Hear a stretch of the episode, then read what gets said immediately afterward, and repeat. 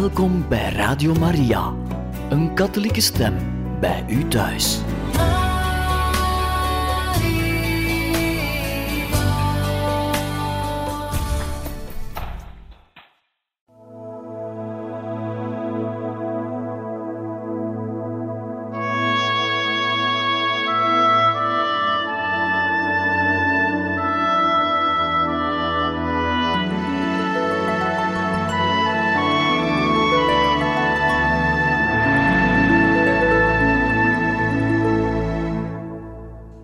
Van harte welkom, beste luisteraars van Radio Maria, bij het programma Heiligen Getuigen, waar wij u verder voorlezen uit het boek Herinneringen van Zuster Lucia.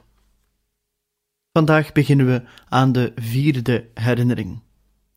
En ook deze herinnering, de langste van alle, werd geschreven op verzoek van de oversten van Lucia. Op 7 oktober 1941 bevonden zich de bisschop van Leria en dokter Galamba in Valenza Domino met een nieuwe verlanglijst. En Lucia kwam er ook. Het geschrift van de derde herinnering werd in ontvangst genomen, volgens de verlangens van dokter Galamba en de bevelen van bisschop José. Men had er zoveel haast mee dat Lucia, nadat ze het eerste grote schrift op 15 november klaar had, dit onmiddellijk naar de bisschop zond, het tweede en laatste was klaar op 8 december. Wat werd er dit keer van Lucia gevraagd? Iemand had wel volledige openheid willen eisen, maar de bisschop had wat meer bescheiden gezegd: Nee, dat ga ik niet van haar vragen. Toch was het niet weinig wat men deze keer van Lucia vroeg. 1. Dr. Galamba stelde vele vragen, waarop zij bij gebrek aan tijd bij die gelegenheid schriftelijk zou moeten antwoorden. 2. Ze zou alles opschrijven over Francisco, wat ze zich nog herinnerde, net zoals ze het gedaan had voor Jacinta. 3. De verschijningen van de engel beschrijven, meer in bijzonderheden. 4. Opnieuw de geschiedenis van de verschijningen schrijven. 5. Alles wat ze zich eventueel nog over Jacinta herinnerde. En 6 ook de profane liedjes die ze zongen neerschrijven. Tot slot 7. Het boek van Pater Fonseca lezen en noteren, alles wat haar minder exact leek. Met een merkwaardige inspanning en met een bewonderenswaardige helderheid behandelt Lucia al deze kwesties en geeft er een uitgebreid antwoord op. Ze kon dan ook terecht aan de bisschop schrijven het lijkt mij, excellentie, dat ik alles geschreven heb wat u me voor het ogenblik gevraagd hebt. Dus opzettelijk laat ze alleen het derde gedeelte van het geheim buiten bespreking. En ze schrijft met dezelfde geestesgesteltenis als bij de vorige herinneringen. Gehoorzaamheid en overgave aan God zijn de enige drijfveren die in mij werken. Inderdaad, ik ben niet meer dan het arme, onhandige instrument waarvan hij zich wil bedienen. De goddelijke schilder zal dat instrument wegwerpen en tot as van het graf doen vergaan, tot op de dag van de eeuwige Alleluia's.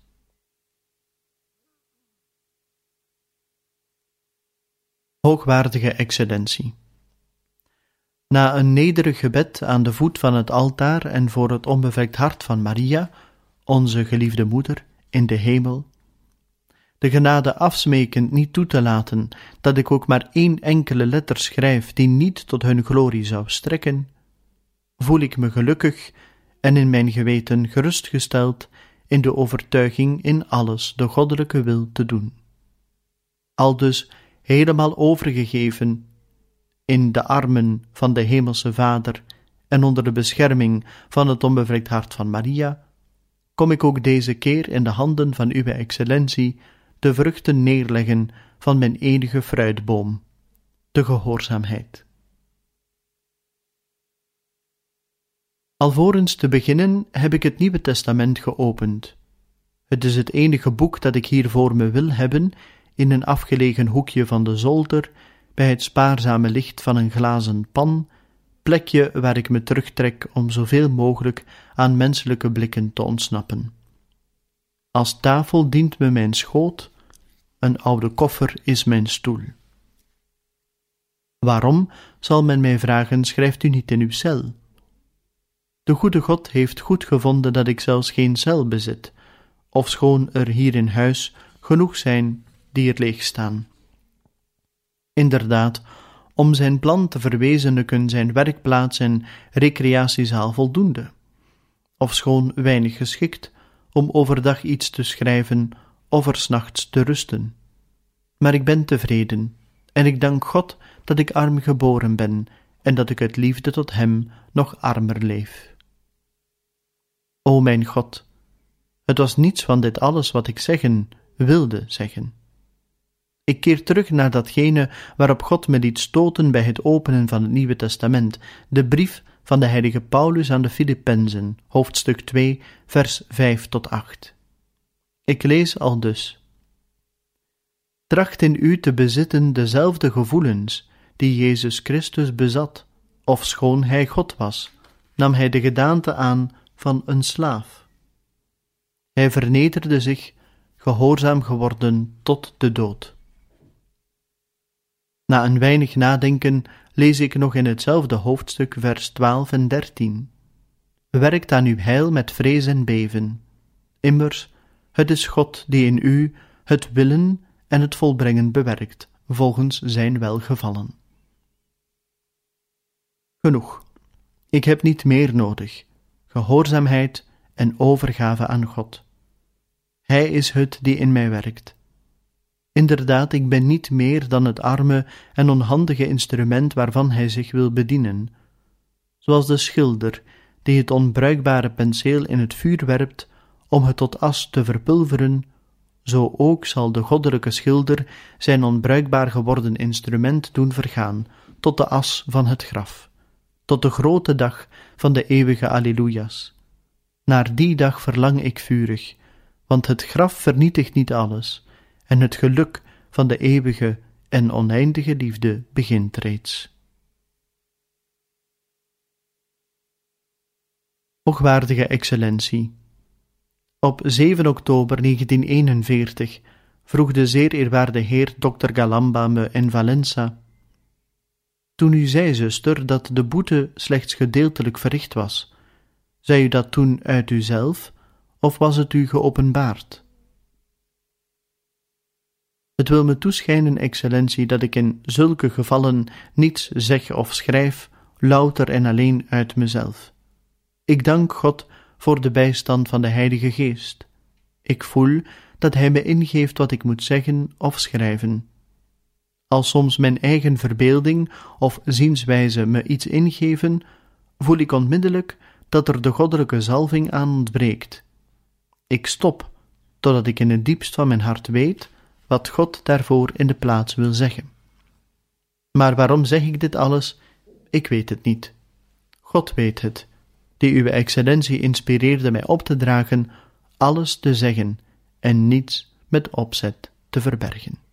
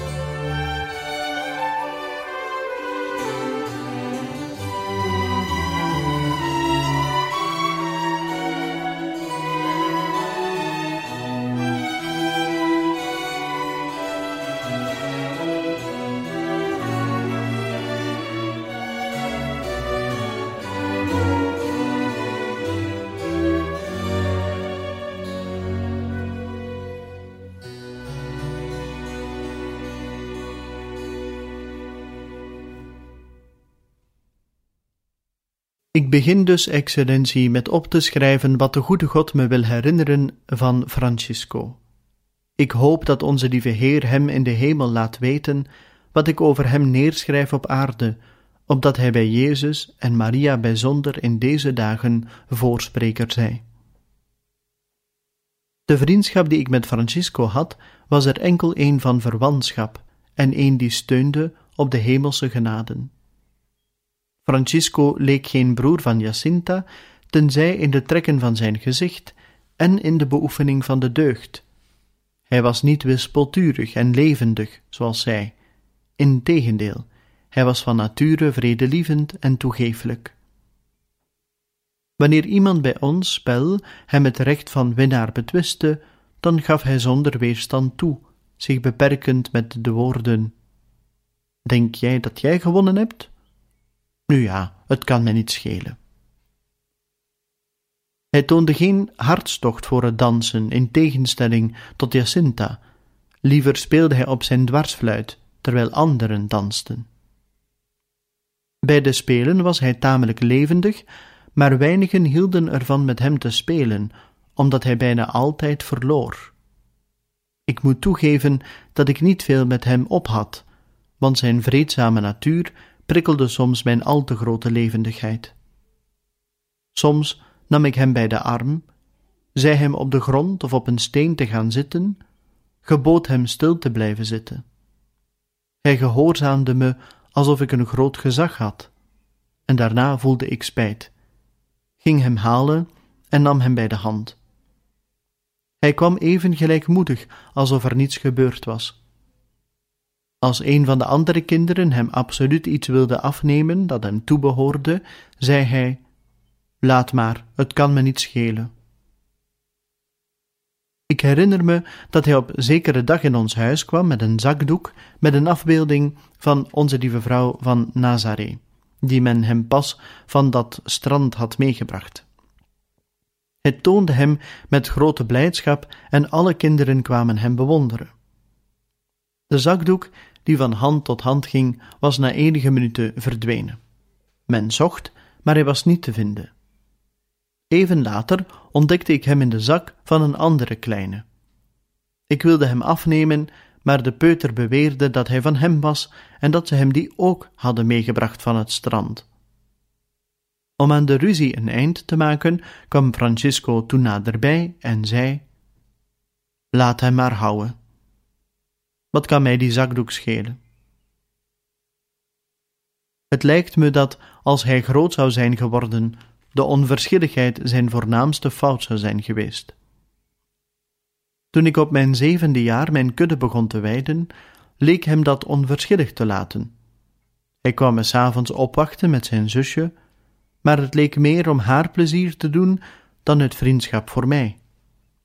Ze wachtte me op in de hof van mijn ouders. En terwijl Jacinta me tegemoet liep, zodra ze de belletjes van de kudde hoorde, wachtte hij me op, gezeten op de stenen treden voor de deur van het huis. Daarna ging hij met ons mee naar de oude dorsvloer om er te spelen, terwijl we wachten dat onze lieve vrouw en de engelen de lampen aanstaken. Ook telde hij ze graag, maar hij genoot van niet zozeer als van het op- en ondergaan van de zon. Zolang een zonnestraal zich vertoonde, zocht hij niet of er al een lamp ontstoken was. Geen lamp is zo mooi als die van onze lieve Heer.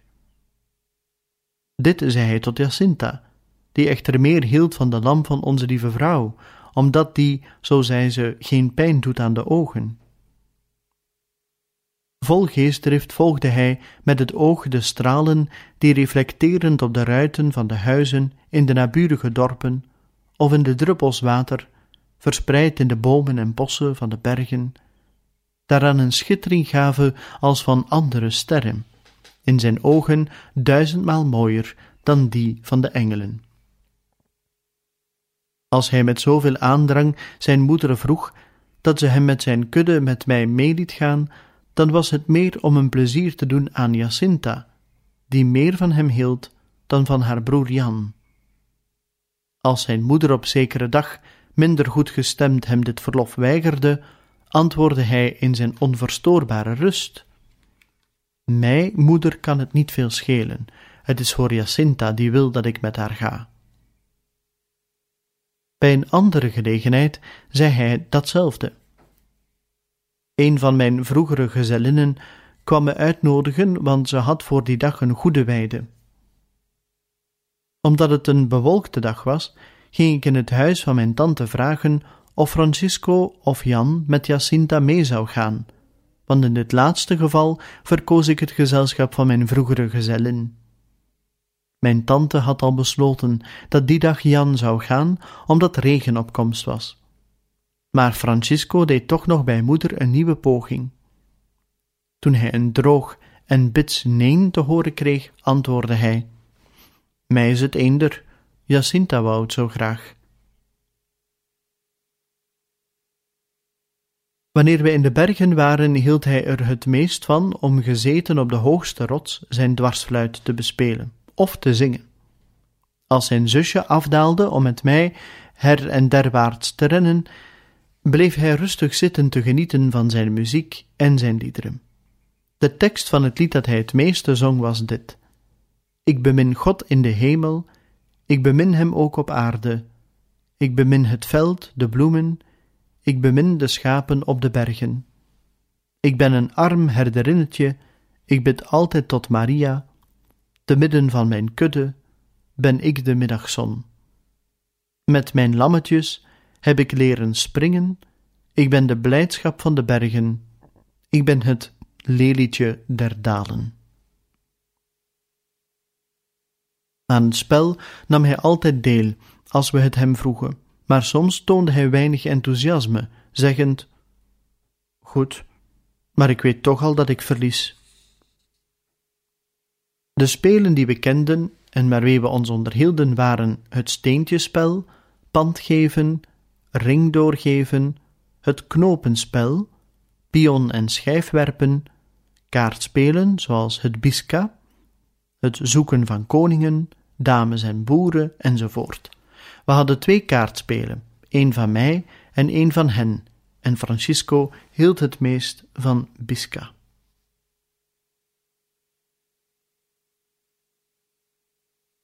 Bij de verschijning van de engel knielde hij neer met zijn zusje en met mij onder de invloed van een bovennatuurlijke kracht die ons daartoe bewoog. Het gebed echter leerde hij enkel doordat hij het ons hoorde herhalen, want, zei hij, van de engel had hij niets gehoord. Toen we daarna neerknielden om dat gebed te bidden, was hij de eerste die in die houding moe werd, maar hij bleef toch op de knieën zitten en ook wel bleef hij zittend bidden totdat we ophielden. Daarna zei hij: Ik kan niet zo lang als jullie in die houding blijven. Ik heb dan zo'n pijn in mijn rug dat ik het niet meer uithoud. Na de tweede verschijning van de engel bij de put vroeg hij enige ogenblikken daarna: Jij hebt met de engel gesproken. Wat heeft hij gezegd? Heb jij het niet gehoord? Nee, ik heb gezien dat hij met jou sprak. Ik heb wel gehoord wat jij hem gezegd hebt, maar ik weet niet wat hij gezegd heeft. Daar de sfeer van het bovennatuurlijke waarin hij ons achtergelaten had nog niet helemaal voorbij was, zei ik hem dat hij het volgende dag aan mij of aan Jacinta zou vragen. Jacinta, zeg jij me wat de engel gezegd heeft? Ik zeg het je morgen. Vandaag kan ik niet spreken. De volgende dag vroeg hij onmiddellijk, toen hij bij me kwam: Heb jij vannacht geslapen? Ik heb de hele nacht aan de engel gedacht en aan wat hij zou kunnen gezegd hebben. Ik vertelde hem toen alles wat de engel bij de eerste en bij de tweede verschijning gezegd had, maar hij scheen de betekenis van de woorden niet begrepen te hebben. Hij vroeg: Wie is de Allerhoogste? Wat wil zeggen, de harten van Jezus en Maria geven acht op de stem van jullie smeekbeden enzovoort. En na het antwoord stond hij na te denken om daarna weer een nieuwe vraag te stellen. Maar ik was nog te zeer aangedaan en zei hem dat hij zou wachten tot de volgende dag en dat ik op deze dag nog niet kon spreken. Tevreden wachtte hij, maar hij liet de eerstvolgende gelegenheid niet voorbijgaan om nieuwe vragen te stellen, zodat Jacinta zei: Luister, praat liever weinig over deze zaken. Als we over de engel spraken, dan was het ons vreemd te moede. Jacinta zei: Ik weet niet wat er me scheelt, ik kan niet meer spreken, niet meer zingen, niet meer spelen. Ik kan niets meer. Met mij is het ook zo, zei Francisco. Maar wat kan dat schelen? De engel is mooier dan dat alles. Laten we aan hem denken. Bij de derde verschijning was de indruk van het bovennatuurlijke nog veel sterker. Gedurende verschillende dagen durfde zelfs Francisco niet spreken. Daarna zei hij: Ik ben heel blij de engel te zien, maar het ergste is dat we daarna tot niets in staat zijn. Ik kon zelfs niet meer gaan. Ik weet niet wat ik had. Toch was hij het die ondanks alles zich bij de derde verschijning ervan rekenschap gaf dat het bijna avond was. Hij was het die dat opmerkte en eraan dacht dat we de kudde naar huis moesten brengen. Toen de eerste dagen voorbij waren en we weer in een normale toestand waren, vroeg Francisco: De engel heeft jou de heilige communie gegeven. Maar wat heeft hij aan mij en aan Jacinta gegeven? Dat was ook de heilige communie. Heb je niet gezien dat er bloed uit de hostie druppelde? Ik voelde dat God in me was, maar ik kon het niet verklaren. Neergebogen op de grond bleef hij lange tijd met zijn zusje het gebed van de engel herhalen. Die sfeer ging langzamerhand over en op 13 mei speelden we al bijna met hetzelfde plezier en met eenzelfde onbezorgd gemoed.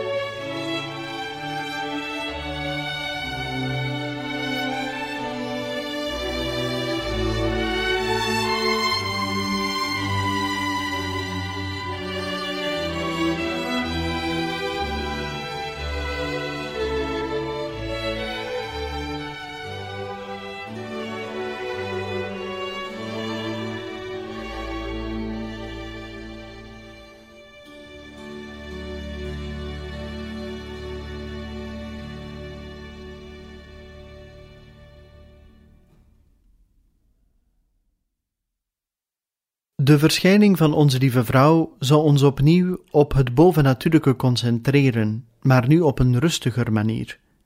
In de plaats van verlamming in de goddelijke tegenwoordigheid, die ons zelfs fysiek de krachten benam, liet deze ons in een dynamische vrede en vreugde, die ons niet belette om na afloop te spreken over alles wat er gebeurd was. Maar toch, met betrekking tot die lichtstraal die uitging uit de handen van onze lieve vrouw, en die ons omhulde, als ook omtrent alles dat hiermee verband hield, voelden we een inwendige aandrang tot zwijgen. We vertelden daarna aan Francisco alles wat onze lieve vrouw gezegd had. Hij uitte blij zijn tevredenheid over de belofte dat hij naar de hemel zou gaan en zei: Onze lieve vrouw, rozenhoedjes zal ik er bidden, zoveel u maar wilt.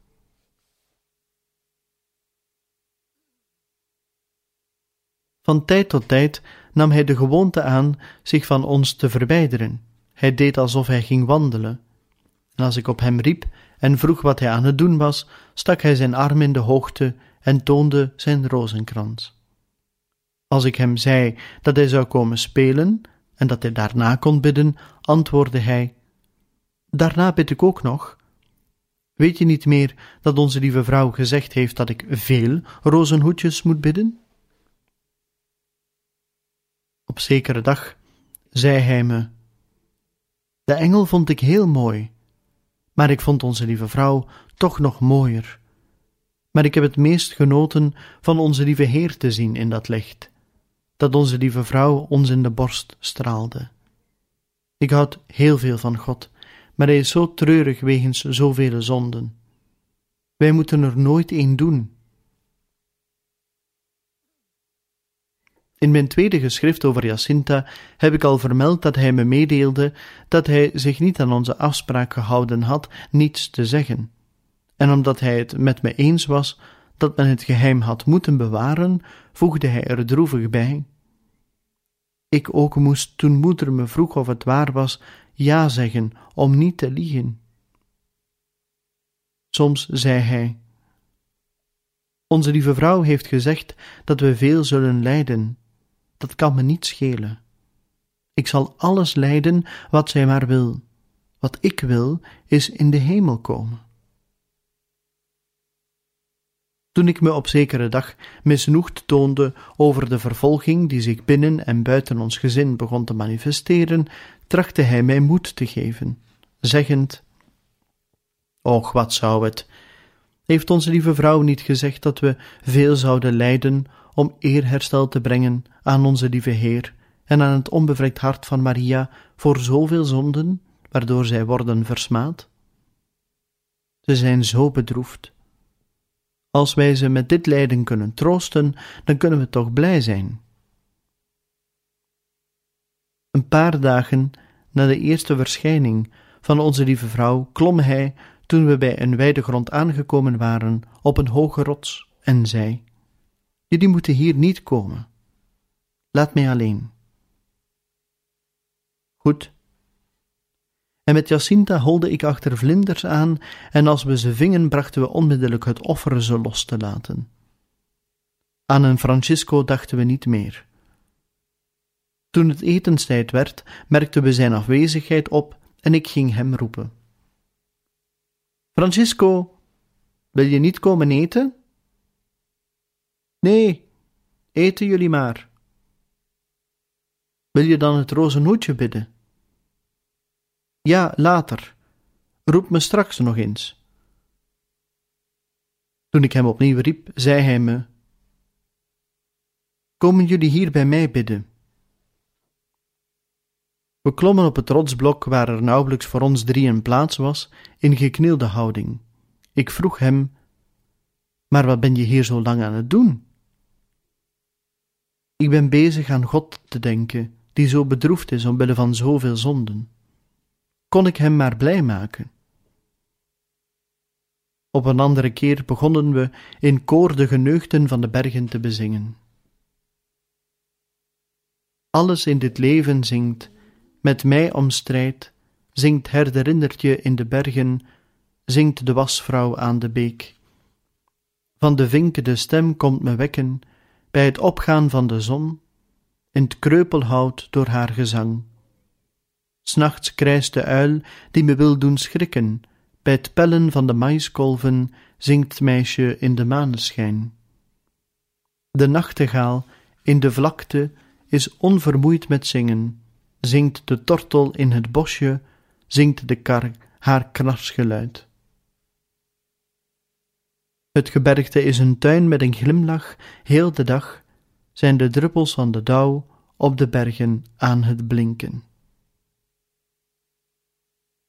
Na een eerste maal wilden we het nog eens zingen, maar Francisco onderbrak ons.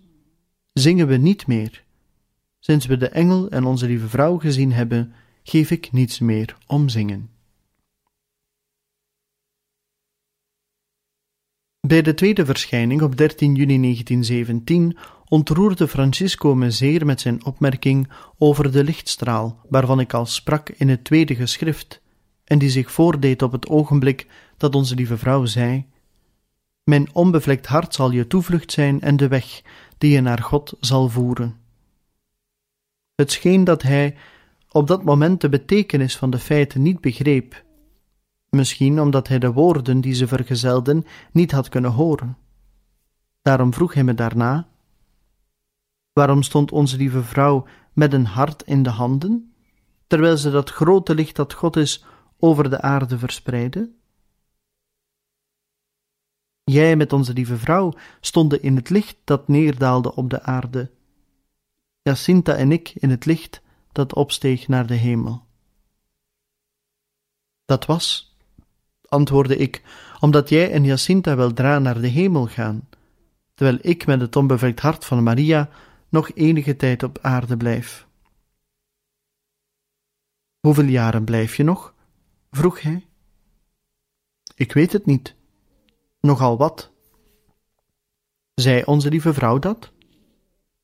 Ja, en ik zag het in dat licht dat ze in onze borst straalde. En Jacinta bevestigde hetzelfde, zeggend: Ja, zo is het, ik heb dat ook gezien. Soms zei hij: De mensen zijn erg tevreden, alleen al omdat wij hun zeggen dat onze lieve vrouw vroeg de rozenkrans te bidden, en dat jij moest leren lezen. Hoe zou het zijn als ze wisten wat zij ons getoond heeft in God, in haar onbevlekt hart en in dat grote licht? Maar dat is geheim, we zeggen het niet. Het is beter dat niemand het weet. Na die verschijning begonnen we te zeggen, als men ons vroeg of onze lieve vrouw ons verder nog iets gezegd had: Ja, maar dat is geheim. Als men ons vroeg waarom het geheim was, haalden we de schouders op en het hoofd gebogen bewaarden we het stilzwijgen. Maar na de dertiende juli zeiden we: Onze lieve vrouw zei ons dat we het aan niemand zouden zeggen, hiermee doelend op het geheim door onze lieve vrouw opgelegd.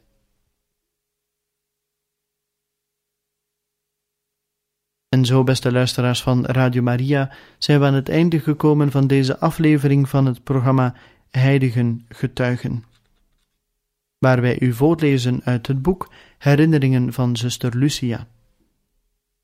Een volgende keer zullen we verder gaan in deze vierde herinnering. We danken u van ganser harte en hopen dat u een volgende keer er ook wenst bij te zijn.